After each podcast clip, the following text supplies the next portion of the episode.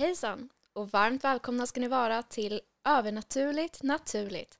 Podcasten och videocasten där vi pratar om det övernaturliga som blir en naturlig del i det radikala kristna livet. Idag har vi ett litet annorlunda avsnitt framför oss. Som ni kanske märker så är det en ny person framför micken. Och ni som kollade förra veckans avsnitt, ni känner igen mig som var gäst här i studion. Men låt mig inte dra ut på det, utan nu ska jag presentera dagens gäst.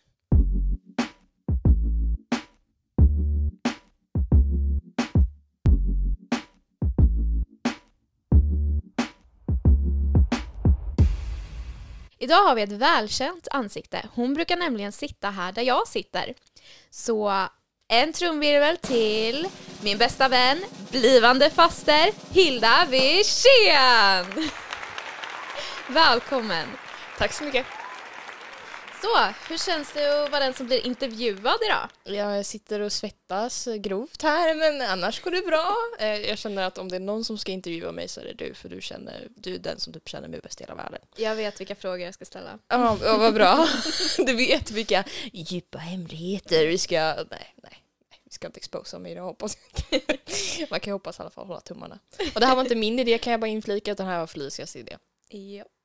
Och det fanns också en kommentar på det, vilket var det som gjorde att jag kunde övertala henne till yes. att låta mig intervjua. Ja, annars skulle jag bara, nej, nej, jag, jag, jag, jag intervjuar den va, det blir bra så. Eh, men jag tänkte bara börja med, hur kommer det sig att du tror på Jesus? Jag brukar säga så här, att det krävs mer tro för mig att inte tro. För att Gud har överbevisat mig så sjukt många gånger om hans existens. Eh, jag har sett helande mirakler och allt möjligt va. Eh, fått vara med om eh, och allt möjligt. Eh, som gör att jag bara, nej, vet du vad Gud, du finns och eh, jag, I'm here all for it liksom. Vad är ditt första möte med Gud? Där du verkligen kände att wow, han finns på riktigt. Det är inte bara mina föräldrar som har, du vet när man slutar leva på sina föräldrars tro mm -hmm. och verkligen inser själv att wow, Gud finns. Jo, men alltså varje kväll när mamma och pappa bad aftonböner med mig, det var liksom varje kväll för jag är uppvuxen i ett kristet hem liksom. Eh, så mötte jag alltid en kärlek och en frid som var övernaturlig och det kunde jag, kunde jag uppleva jättetydligt redan som barn. Ehm, det var inte så här, Gud är, Gud är inte invecklad, han är inte svårförstådd för barn. Utan de upplever, jag upplevde så tydligt att bara det här är en gudsnärvaro. Det var så of course Liksom. Så varje kväll när mamma och pappa bad efterbön, det var Gud som haver och lite annat. Liksom, så här. Eh, då upplevde jag alltid Guds närvaro. En närvaro, en kärlek som jag inte kände någonstans annan i världen förutom i den stunden. Det blev som en helig stund nästan. Som utmärkte sig från liksom hela dagen då man har lekt, man har varit på förskolan, man gör en massa grejer och sen kommer man hem innan man skulle sova och där var Gud. Så det var verkligen en bra start, hur man ska säga, på en väldigt stabil relation med Gud. När man får det redan som barn, då, då förtröstar man på honom på ett helt annat sätt. Liksom. Då har man verkligen växt upp med honom. Liksom. Eh, men sen även hade jag, vet jag, över ett halvår av tvivel verkligen. Så vad gjorde du för att komma ur den perioden av tvivel? Jo, det var så här, när jag kom in i den perioden av tvivel. Eh, jag träffade en person lite grann så här. Eh, och den personen eh, tyckte verkligen att Gud var ond. Eh, och jag hade aldrig ens tänkt den tanken, du vet. Jag hade alltid sett honom som god, för det var ju det, när jag, den närvaron av Gud var alltid godhet. Jag kände bara godhet, kärlek, frid eh, inte en uns av mörker eller ondska. Perfect peace liksom. Men eh, jag kände verkligen att när jag kom hem ifrån det samtalet med den personen som verkligen hade ett agg mot Gud. Den eh, hatade Gud basically. Då kände jag typ som ett kladdigt, klibbigt klister. typ som slime typ som hade fastnat på mig efteråt, typ så här, som låg kvar typ. Och jag kommer ihåg så tydligt, jag satt i vardagsrummet med min mamma och vi tittade på tv, jag kommer inte ihåg vad vi tittade på, jag vet inte om vi tittade på lovsång eller så här, sjöng lovsång, jag kommer inte ihåg, vi bara satt framför tvn, jag satt på golvet, hon satt på soffan. Och jag stirrade ut i tomma intet liksom så här, och verkligen började tänka på frågor jag aldrig hade ställt mig själv. Frågor, frågor som var, verkligen hade agg mot Gud. Liksom. Och då plötsligt så kände jag som en dammsugare som bara sattes här på min bröstkorg. Eh, som inte sög utåt utan som sög inåt. Och det var becksvart mörker som ett mörkt moln som bara... Alltså jag kände det. Det var, det, det var en av de sjukaste upplevelserna. Inte en bra sjuk upplevelse utan väldigt obehaglig. Och i den stunden så fylldes jag helt av fruktan. Eh, och jag kommer ihåg att jag försökte skaka av mig det här. Jag gick upp i duschen och jag bara om jag duschar varmt så kanske den här äckliga andliga kylan försvinner. Liksom så här. Och jag bad och sjöng lovsång och jag bara allting är bra. Och så gick jag och la mig och bara allting är bra, allting är bra. Men jag kände det väl, alltså, det var så äckligt. Det var verkligen, alltså det var ju demoniskt skit alltså, jag lovar. Um, djävulen attackerade mig något otroligt. Men jag gick och la mig i alla fall och till slut somnade jag, även fast jag somnade med den där äckliga närvaron. Och jag tänkte, äh, men när jag vaknar imorgon då är det här borta. Jag vaknade nästa dag, och samma närvaro var liksom, det var fortfarande äckligt, det var ångest, det var, jag hade aldrig, upp, och från det, det, det är också en väldigt viktig grej, jag hade aldrig upplevt ångest i hela mitt liv fram tills den här punkten. Och då var jag, då gick jag i ettan på gymnasiet. Hade aldrig upplevt ångest i hela mitt liv. Fatta vilken guldbarndom jag har haft. Jag, jag tar inte för givet och jag känner mig väldigt välsignad och väldigt, väldigt tacksam över den. Men i alla fall, jag vaknade med ångest, inga speciella tankar utan bara den här känslan. Sen när jag satte mig på bussen eh, så lyssnade jag på lovsång och försökte liksom, men sen så, alltså det kom så här tryckande tankar, tvingande tankar som var så här, jag kunde inte stoppa dem utan de bara kom och kom och kom och det handlade om att bara gud och ond, gud och ond och jag bara va? va? Alltså, jag fattar inte, jag hade inte haft de tankarna förut och plötsligt bara var de där. Eh, och jag bröt ihop utanför gymnasiet medan jag gick, alltså jag skulle precis gå in på gymnasiet, alltså, jag gick med alla som hade varit på bussen också, så jag gick i en klunga av människor, bara satte mig, bara bröt ihop och bara började storgråta liksom, för jag mådde så piss. Eh, och sen var det någon lärare tror jag som bara, oj, nej, men, oj hej, du, men du, jag tar dig till sjuksyster, kom till sjuksyster, alltså jag var fortfarande helt, alltså jag mådde så sjukt dåligt. Eh, jag la mig på sängen på sjuksyster och bara stirrade, alltså jag var så ja, i alla fall från den dagen så satt jag i en depression helt enkelt. Eh, hade ångest konstant, fick panik och ångestattacker och jag fick uppleva ett mörker som jag aldrig hade upplevt i mitt liv tidigare. Och i den här perioden så bad jag varje dag, liksom, samtidigt som jag hade de här plågande tankarna om att oh, men Gud kanske inte är god. Liksom. Så bad jag ändå till Gud, för att jag visste att han fanns. Det, det var det, det visste jag till 100% men nu var det så här bara, är han 100% god? Liksom, så här. Det var det jag strugglade med. Så jag bad varje dag till honom, bara Gud sätt mig fri från det här. För jag kände att han behövde bryta någonting, han behövde slänga ut någonting, han behövde göra, han behövde bara ta mörkret och sända sitt ljus in i mig. För jag kände sånt mörker.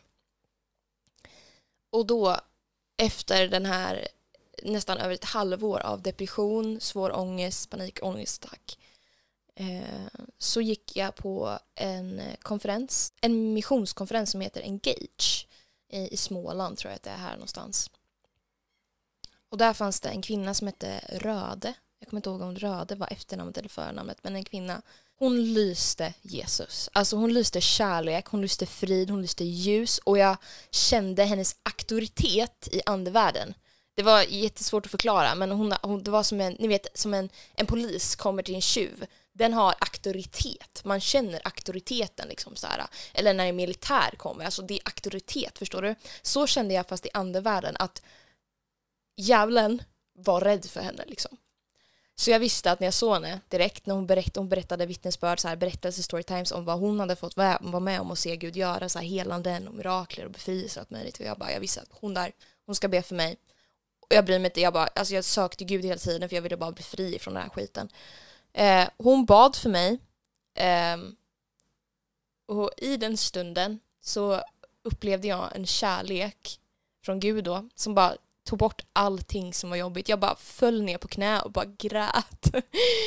och det var det starkaste gudsmötet jag haft i hela mitt liv för det var verkligen från sånt mörker du vet. Då känner man av ljuset så mycket starkare när det är så jobbigt. Och jag blev fri och alla de här äh, tankarna som var tryckande som jag, jag inte kunde kontrollera som bara, det, det är som en snöboll ni vet så här, som rullar ner för en brant backe och bara blir större, större, större, större, större, sen bara pff, ni vet så här. Sånt var det, sådana tankar hela tiden. De bara försvann helt, när hon hade bett. Och i den i det gudsmötet, det starka gudsmötet jag fick där och då så försvann ju också alla tvivel på hans godhet för jag fick möta hans godhet. Jag tror att det är det som, när människor tror att om en, om en, om en gud är god, varför tillåter han krig? Lalalala. Det är en ekvation. Tänk ett plus ett blir två. Om inte liksom man tar med djävulen i den ekvationen, förstår du? Det måste finnas ondska och det måste finnas ljus. Och Gud, det står att Gud är ljus och inget mörker finns i honom. Och när man får möta hans ljus så märker man att det inte finns något mörker där. Um, så jag förstår att folk ändå så här ah, bara, ja men är han verkligen god så här? Ah. Men det är han. Alltså när du bara fått möte med honom så märker du hur kär, alltså det är bara kärlek, det är bara kärlek, det är bara godhet. Och allt mörker och allt skit som jag blev attackerad där och då av, det kom straight up from hell alltså. Ingen annanstans.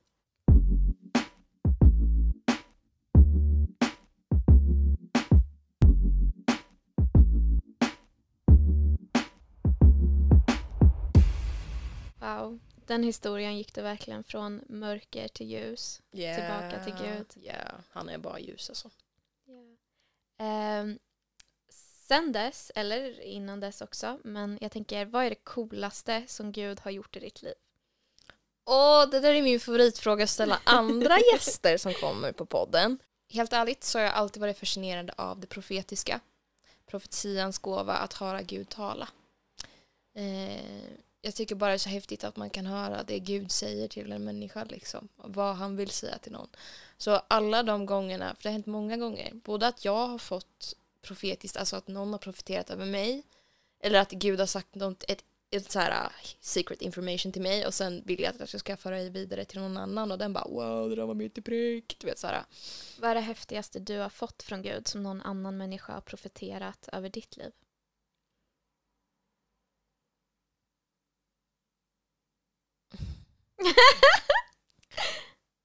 alltså det är så mycket så, alltså jag önskar att jag hade skrivit ner allting för att det är så många gånger Gud bara har overwhelmed mig och bara du sa verkligen det där. Men jag kommer ihåg, eh, för jag kan faktiskt berätta det senaste som jag verkligen kommer ihåg som var verkligen så touching. Det var för ah, jag vet inte, några månader sedan eller någonting. Det var inte senaste gången jag fick profetiskt. Senaste gången jag fick profetiskt var bara här förra veckan. Eh, Pontus Paulsson profeterade över mig, vet jag. Ja. Eh, men ett som verkligen var så här bara ett ord i rätt tid. Det står i Ordspråksboken att hur gott är inte ett ord i rätt tid liksom så här. Det är sötare än honung, jag vet inte exakt hur det står men liksom ett ord i rätt tid ifrån Gud i en situation kan betyda allt och det gjorde det verkligen där och då. Eh, jag var inne i en säsong för några månader sedan då Gud undervisade mig ännu mer om faderskapet. Och faderskapet är ju att det står ju att vi alla är barn till Gud. Liksom. Eh, vi har alla fått rätten att ropa ut Abba fader, alltså pappa Gud. Och ja, så då hade han visat mig en bild. När jag hade varit med honom så hade han gett mig en bild av att jag satt på hans axlar eh, och att han liksom gick. Att jag behövde liksom inte göra så mycket, jag bara satt där på min pappas axlar, liksom. alltså Guds axlar, liksom, Jesu axlar. Eh, och det var så bekymmerlös bild liksom. Så jag bara grät när jag fick den och det var så här, bara, det var en intim stund med Gud verkligen. Det var bara så fint. Och det här hade jag inte sagt till någon. Ingen alls. Det här var bara mellan mig och Gud. Och det här är första gången liksom så här, jag har haft den bilden just. Och det som gjorde att den här bilden som jag fick från Gud var så stark var just att mitt första minne från när jag var liten, alltså mitt första känslomässiga minne, attachment som jag har till minne, är när min pappa, Andreas, världens bästa pappa, hej pappa, hej mamma. Jag vill tacka min mamma. Älskar er! jag sitter på min pappas axlar och jag känner sån trygghet, total trygghet, total kärlek och bara så roligt att sitta på min pappas axlar. Liksom. Det är mitt första minne från när jag var liten, alltså första första. Alltså jag så sjukt tydliga minnen från när jag var väldigt liten, liksom. så jag tror att det var två typ. Och sen då att Gud visar en bild på att jag gör det också, att jag sitter på hans axlar och känner den tryggheten, den kärleken och den the, the excitement över att vara så högt upp liksom och så här. Men i alla fall, nu kommer jag till den punkten då det häftiga hände. För då var jag på en bönegrupp online eh, som vi brukar ha på måndagar ibland. Vi ska till Umeå snart. Jag tror att när det här avsnittet kommer ut så är vi nog där uppe då faktiskt tror jag. eh, och Emma och Klara bland annat är de som håller i det mesta. Alltså ni är grymma. Om ni kollar på det här, ni är grymma, ni är grymma. I alla fall, då fick Klara ett ord. För jag bara kände där och då, jag bara, jag, vill, jag vill förbön, jag vill att ni ber för mig så här. Och då gjorde de det. Och Klara bara, jag får en bild. du vet vad som kommer nu alltså. Jag får en bild sån. Att du sitter på Guds axlar som ett litet barn. Och där och då så bara möter Gud mig med sin närvaro, sin kraft, sin kärlek, Alltså allting bara gött och jag bara bryter ihop totalt och bara gud, du ser allting. Jag hade verkligen inte sagt det till någon alls. Och så, så kommer de bara, jag ser den här bilden och jag bara, det är självklart du gör det, tänkte jag. Liksom, så här. Ja, så jag, det var så roligt för vi var ju mitt i det här videokalet då. Så här, jag bara, jag måste lägga på, jag måste vara med Gud idag. Typ, så här. Det var så starkt, alltså verkligen att sak, det, det, var som sagt det var den senaste, det kanske inte var den coolaste profetian men det var så bara, det var det enda hon sa fick till mig liksom typ. Och då fick jag ännu större tro, ni vet att Gud alltid är med och ser allting och är med i varje stund liksom. Så att det var jättenice. Det är han. Det är han verkligen.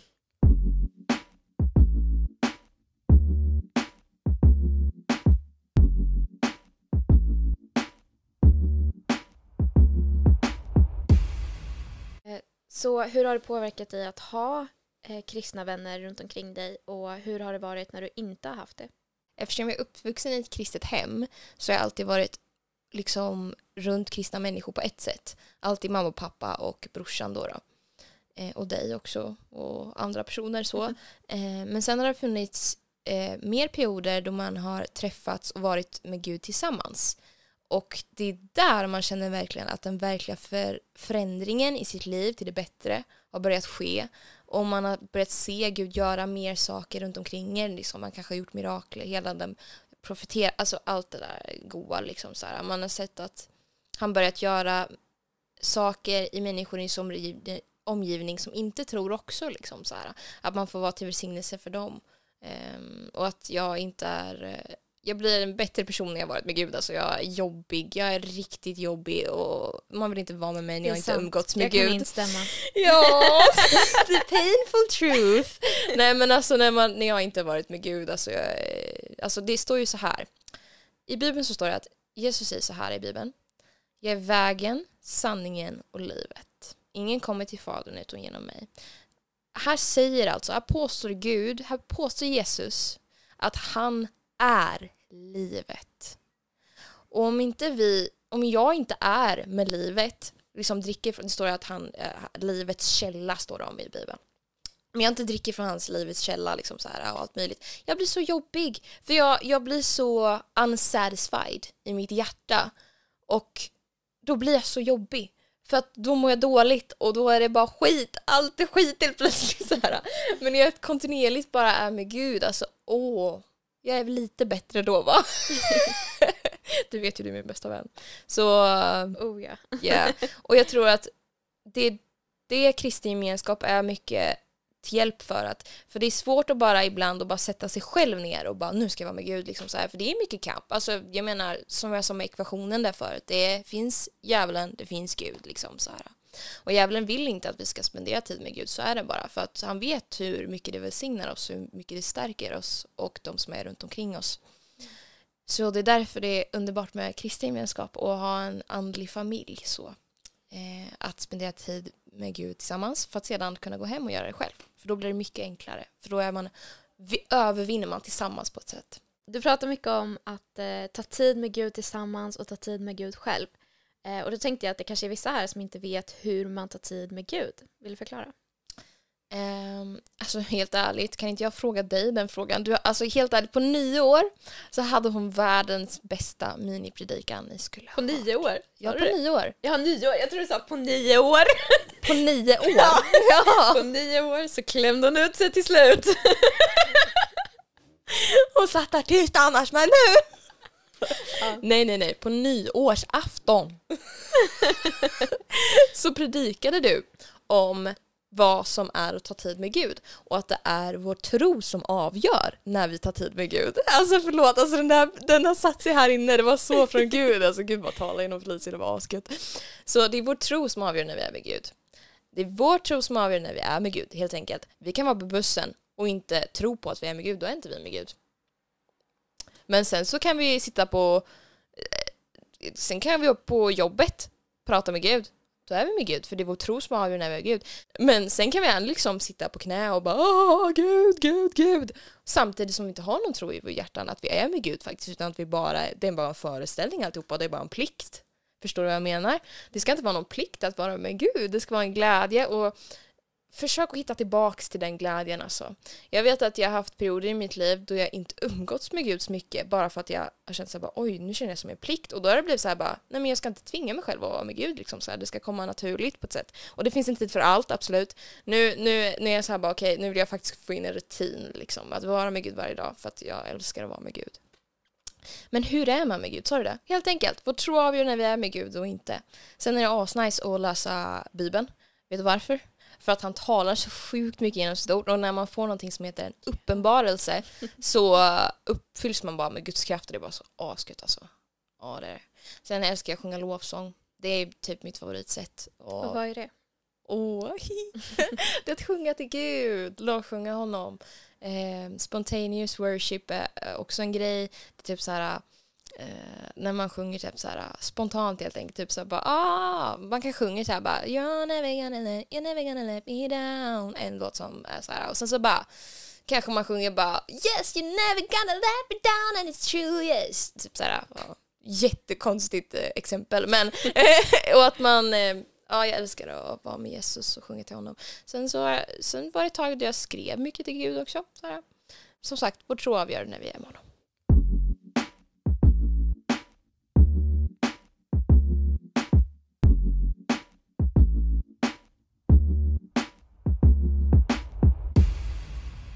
Då har vi pratat lite om att det är viktigt att ha kristna vänner.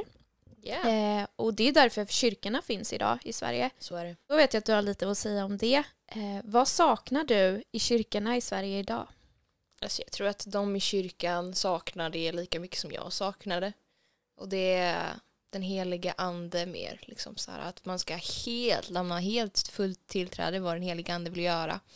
Och för att göra det så måste man ju också höra vad han vill göra. Eh, vara lyhörd och bara köra på. Och jag tror att vi behöver mer pionjärer i Sverige. Pion en pionjär är de som går före. Eh, på mark som inte är trädd förut. Liksom, så här, att, eh, vi säger att, vi, vi tar ett exempel. Tänk dig så här, att Sverige, ja ah, okej, okay, eh, helande inte är vanligt i Sverige skulle vi säga då. då. Eh, det är ganska vanligt nu faktiskt. Det har blivit vanligare och vanligare och det är jättenice. Eh, men vi säger nu, vi utgår ifrån, vi säger ett potentiellt scenario att helande är inte vanligt i kyrkorna idag. Och då kommer det en predikant, en man, en kvinna som ställer sig upp och säger nu ska vi, nu ska vi liksom förlösa helande, nu vill den heligande hela människor och det är det den preachar nästan 50% av tiden för att den har fått kallelse av att vara pionjär just när det kommer till helande. Och det finns så många olika pionjärer tror jag som Gud vill resa upp på olika områden. En grej jag har tänkt på det är om Gud skulle försvinna, om den heliga ande skulle försvinna från kyrkorna idag så skulle många av kyrkorna inte ens märka av det. Och då är det illa. Då är det jätteilla. För då, är, då har vi bara vår tro på traditioner, på eh, lagar, på regler, allt möjligt liksom. Så vi måste lämna så mycket mer utrymme till vad Gud vill göra. Varje gudstjänst, varje träff vi har. Vad säger Gud? Vad vill han göra? Det ska inte handla om vad vi vill göra utan vad han vill göra. Och fatta vad många gånger när man har gett en heligande tillträde att göra exakt vad han vill, hur bra det har blivit. Hur många väckelser som har brutit ut ifrån att man har gett honom tillträde. Liksom. Att inte hejda honom, inte stoppa honom. För jag menar när Gud träder in på en plats då blir det bara bra. Då sker mirakler, då blir folk befriade, folk blir frälsta, folk blir helade, upprättade. Det blir som ett sjukhus på något sätt. Ett andligt sjukhus. Att kyrkan blir som ett sjukhus. Fast ett andligt ett. Och det är asbra. Vad tycker du att de som lyssnar och vi som kristna som tror på Gud, som tror på Jesus, vad skulle vi kunna göra för att förändra det här? Eh, be Gud att ta bort allt religiöst i våra liv. Det står i Bibeln att lite surdeg surar hela, eller liksom förstör hela degen. Så om vi bara har lite religiositet i våra liv så kan det förstöra hela vår relation med Gud och hur vi ser som honom. Jag tror att eh, i mitt liksom livs, i min story, som mitt eget livs, livsvittnesbörd brukar man säga, liksom så, här, så är en av den största delen för mig som har påverkat mig mest och välsignat mig mest är när jag fick tag om faderskapet just. Att han är min pappa och jag är hans barn. Det är inte den här domaren han är en domare också, ja det vill jag säga. Alltså, ni kanske hörde från eh, Bertils avsnitt, Bert Bertils Nilssons avsnitt. Han berättade att han har varit himlen jättemycket, helt fantastiskt.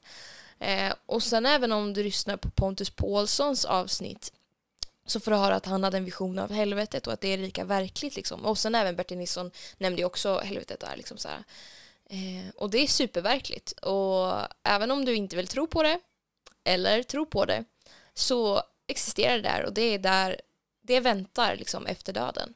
Men som sagt, Gud är en domare, han kommer döma oss om vi har tro på honom eller inte. Liksom. Det är där du utgår ifrån. Men han är ju också den pappan som bara vill komma och krama oss. Liksom. Och jag tror att när vi släpper vår religiositet då kommer vi så bli så sjukt förälskade i Gud. Liksom. Så här, vi kommer bara springa efter honom. Vi kommer, det, vår enda minut av vår vakna tid kommer vi vilja spendera med honom. För vi förstår att det bara är kärlek från honom till oss. Liksom. Och när vi tar emot den kärleken från Gud in i våra liv då kommer vi börja älska honom lika mycket och vi kommer börja se människor runt omkring oss. Vi kommer börja älska dem så som Gud vill att vi ska älska dem. Så allting utgår ifrån, är du mottaglig att Gud ska förvandla dig? Är du mottaglig? Är du, är du förberedd i ditt hjärta på att Gud vill förvandla dig och kommer förvandla dig om du är öppen för det? För han vill det. Han vill verkligen det. Och du kan inte göra någonting i dig själv utan den helige ande kommer göra det genom dig. Men som sagt, det ska alltid utgå ifrån Guds kärlek till oss, att vi tar emot. Och då kan vi älska honom och då kan vi älska andra. Precis. Yeah. Amen. eh, så för de som inte riktigt vet, vad är skillnaden på religion och att ha en relation? Och jag tror att vi har pratat om ganska mycket på den här podcasten. Jag vet kanske jag kan bara fått för mig det här. Nej men alltså religion är ju dött. Inga, alltså det är inga mirakler, ingenting utan det är bara man gör det liksom för att man ska ha någonting att tro på basically. Medan en relation med Gud då har man han, då liksom följer man hans vilja för ens liv och då har man en relation med Gud. Det är helt en relation med Gud! Precis som jag har en relation med dig så en relation med Gud och lyssna på vad han vill att jag ska göra. Liksom så mm. Vad han säger till mig och så. Religion är mer traditioner. Yeah. Som sagt, vi skulle inte ens märka om Gud försvann. Yeah. Vi är bara fast i våra precis, precis. egna traditioner yeah, och egna regler.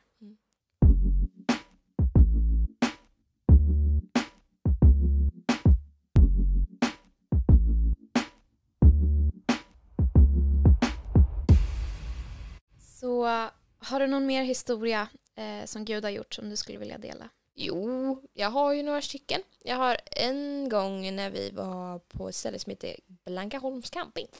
Så träffade vi en, jag kommer inte nämna hans namn för jag vet inte om han vill bli nämnd, men han hade i alla fall en, här tror jag att det var ungefär. Så hade, jag kommer inte ihåg, någonstans här. Och för de som lyssnar är hon nu på sin arm. Ja, just det. Förlåt, eh, förlåt podcastlyssnare. Eh, armvecket. Armveck. Så hade han fått en, en, en, alltså en knöl kan man säga så. Alltså, inte en böld men en knöl, alltså en knöl som var typ så här en, en och en halv, en centimeter hög, en centimeter kanske eller något sånt. Eh, och han var jätteorolig att det här var cancer. Så jag och min vän Ellie eh, började be för honom och bara, ah, vi, hade, vi hade precis varit så här på en kristen konferens, vi hade vi var så fyllda med tro också för att vi hade, så här, bara, ah, hade gått framför föraren och bara ah, vi vill vara med och liksom, så här, vi, vi ber för människor och vi ser dem bli friska. Liksom, så, här. så vi bad eh, och bara ah, gud ta bort den här knölen nu, i Jesu namn liksom, så här, kom igen nu! Inte riktigt så men ja, vi var så taggade på att se Gud göra ett mirakel. Eh, det var så häftigt också när vi började be för honom, innan vi började be för just det där knölet skulle åka bort så höll han nästan på att falla i backen om Guds kraft. och det var en, en kvinna som var bredvid och bara, nej men oj svimmar han nu? och jag bara, det. nej det gör han inte, det är bara Guds kraft, du kan vara lugn. Hon blev jätterolig, det var jättegulligt. Men i alla fall, vi bad för honom eh, och den krympte till hälften, mer än hälften och han var såhär ja men den har krympt! och vi bara wey halleluja! Så här. Uh, och sen så bad vi en lång stund till efter det. Men sen så upplevde jag som att den heliga ande vill fullborda det här verket när han kommer hem så att all ära kommer till Gud. Så att, så att han förstår och vi förstår att det bara är Gud som har helat honom. Inte jag och Ellie som, ja, vi, du var också med och bad sen också men det var vi som började be så jag, ja, förlåt, du också och alla andra som bad liksom. Um, att all ära skulle gå till Gud. Så han gick hem, sen bara någon dag efter så skrev han Hej, tack för att ni bad, lalala hela knölen är borta nu, halleluja jag slipper att gå till läkaren. För att han var ju jätteorolig att det var cancer då. då. Men jag menar om Gud, och, och det var någon som skrev på TikTok när jag la ut den här i berättelsen och den bara Men hallå om det var cancer, så om den försvann så, eh, så betyder det inte att cancern har försvunnit bara för bölden har försvunnit. jag bara, hallå om, man, om Gud tar bort en böld på hans arm då tar man ju självklart bort cancer om det var det. liksom, så här. Bölden var bara för att vi skulle se att cancern försvann. Precis, precis. Så det är ett coolt mirakel. Då finns det hopp för de som är sjuka. Men jag vet att du har någon som har varit sjuk och det är ett vittnesbörd i sig. Eh, den storyn så blev han inte helad eh, men någonting annat hände. Vill du berätta? Menar du min farfar? Ja. jag förstod. jag förstod. Jag var såhär, vad ska jag säga eller ska vi bara klippa? nej, nej, nej, nej, jag förstod. Uh, ja, min farfar. Uh, han dog i, nu ska vi se, bukspottkörtelcancer. Han var världens bästa farfar. Jag vet nog att er farfar är bra, men min var faktiskt världsbäst. Och det kan ni inte ta ifrån mig. Punkt. Han hette Karl, kallade sig Kalle. Han älskade Jesus.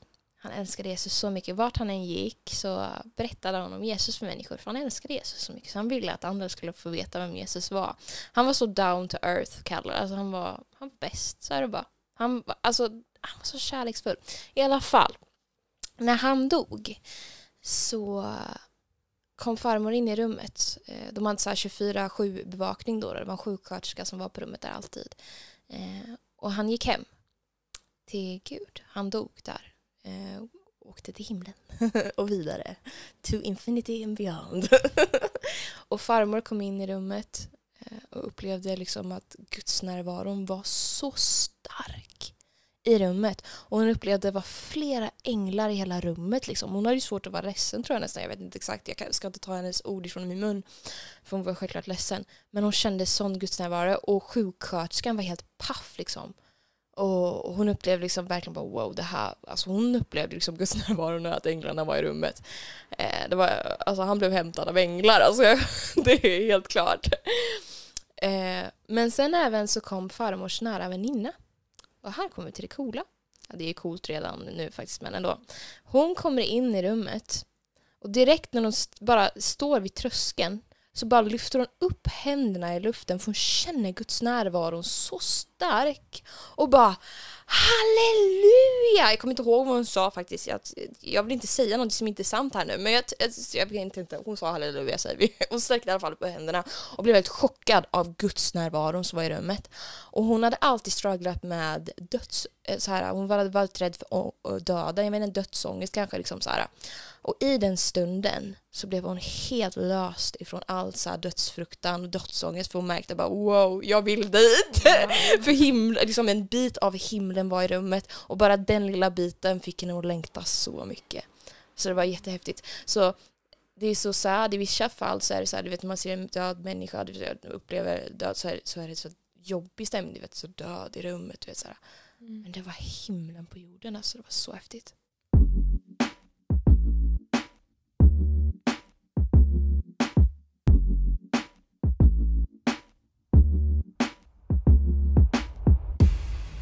Okej, wow. Tack så jättemycket för de här historierna och tack för att jag fick intervjua dig. Varsågod! Det var något nytt.